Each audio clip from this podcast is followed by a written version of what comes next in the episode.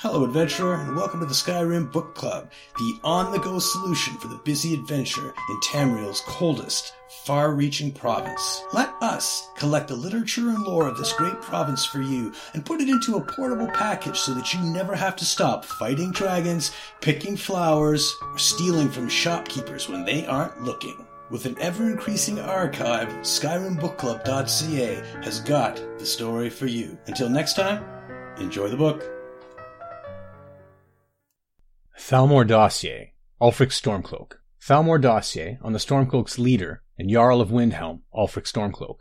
Status, Asset, Uncooperative. Dormant, Emissary level approval. Description, Jarl of Windhelm, leader of Stormcloak Rebellion, Imperial Legion veteran. Background, Ulfric first came to our attention during the First War against the Empire, when he was taken as a prisoner of war during the campaign for the White Gold Tower.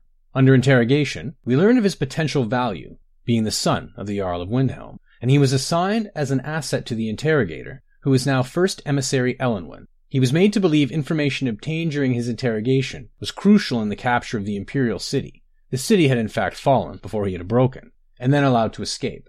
After the war, contact was established, and he has proven his worth as an asset. The so-called Markarth incident was particularly valuable from the point of view of our strategic goals in Skyrim, although it resulted in Ulfric becoming generally uncooperative to direct contact. Operational notes. Direct contact remains a possibility, under extreme circumstances, but in general, the asset should be considered dormant. As long as the Civil War proceeds in its current indecisive fashion, we should remain hands off. The incident at Helgen is an example where an exception had to be made. Obviously, Ulfric's death would have dramatically increased the chance of an Imperial victory, and thus harmed our overall position in Skyrim. Note, the coincidental intervention of the dragon at Helgen is still under scrutiny. The obvious conclusion is that whoever is behind the dragons also has an interest in the continuation of the war, but we should not assume, therefore, that their goals align with our own. A Stormcloak victory is also to be avoided, however, so even indirect aid to the Stormcloaks must be carefully managed.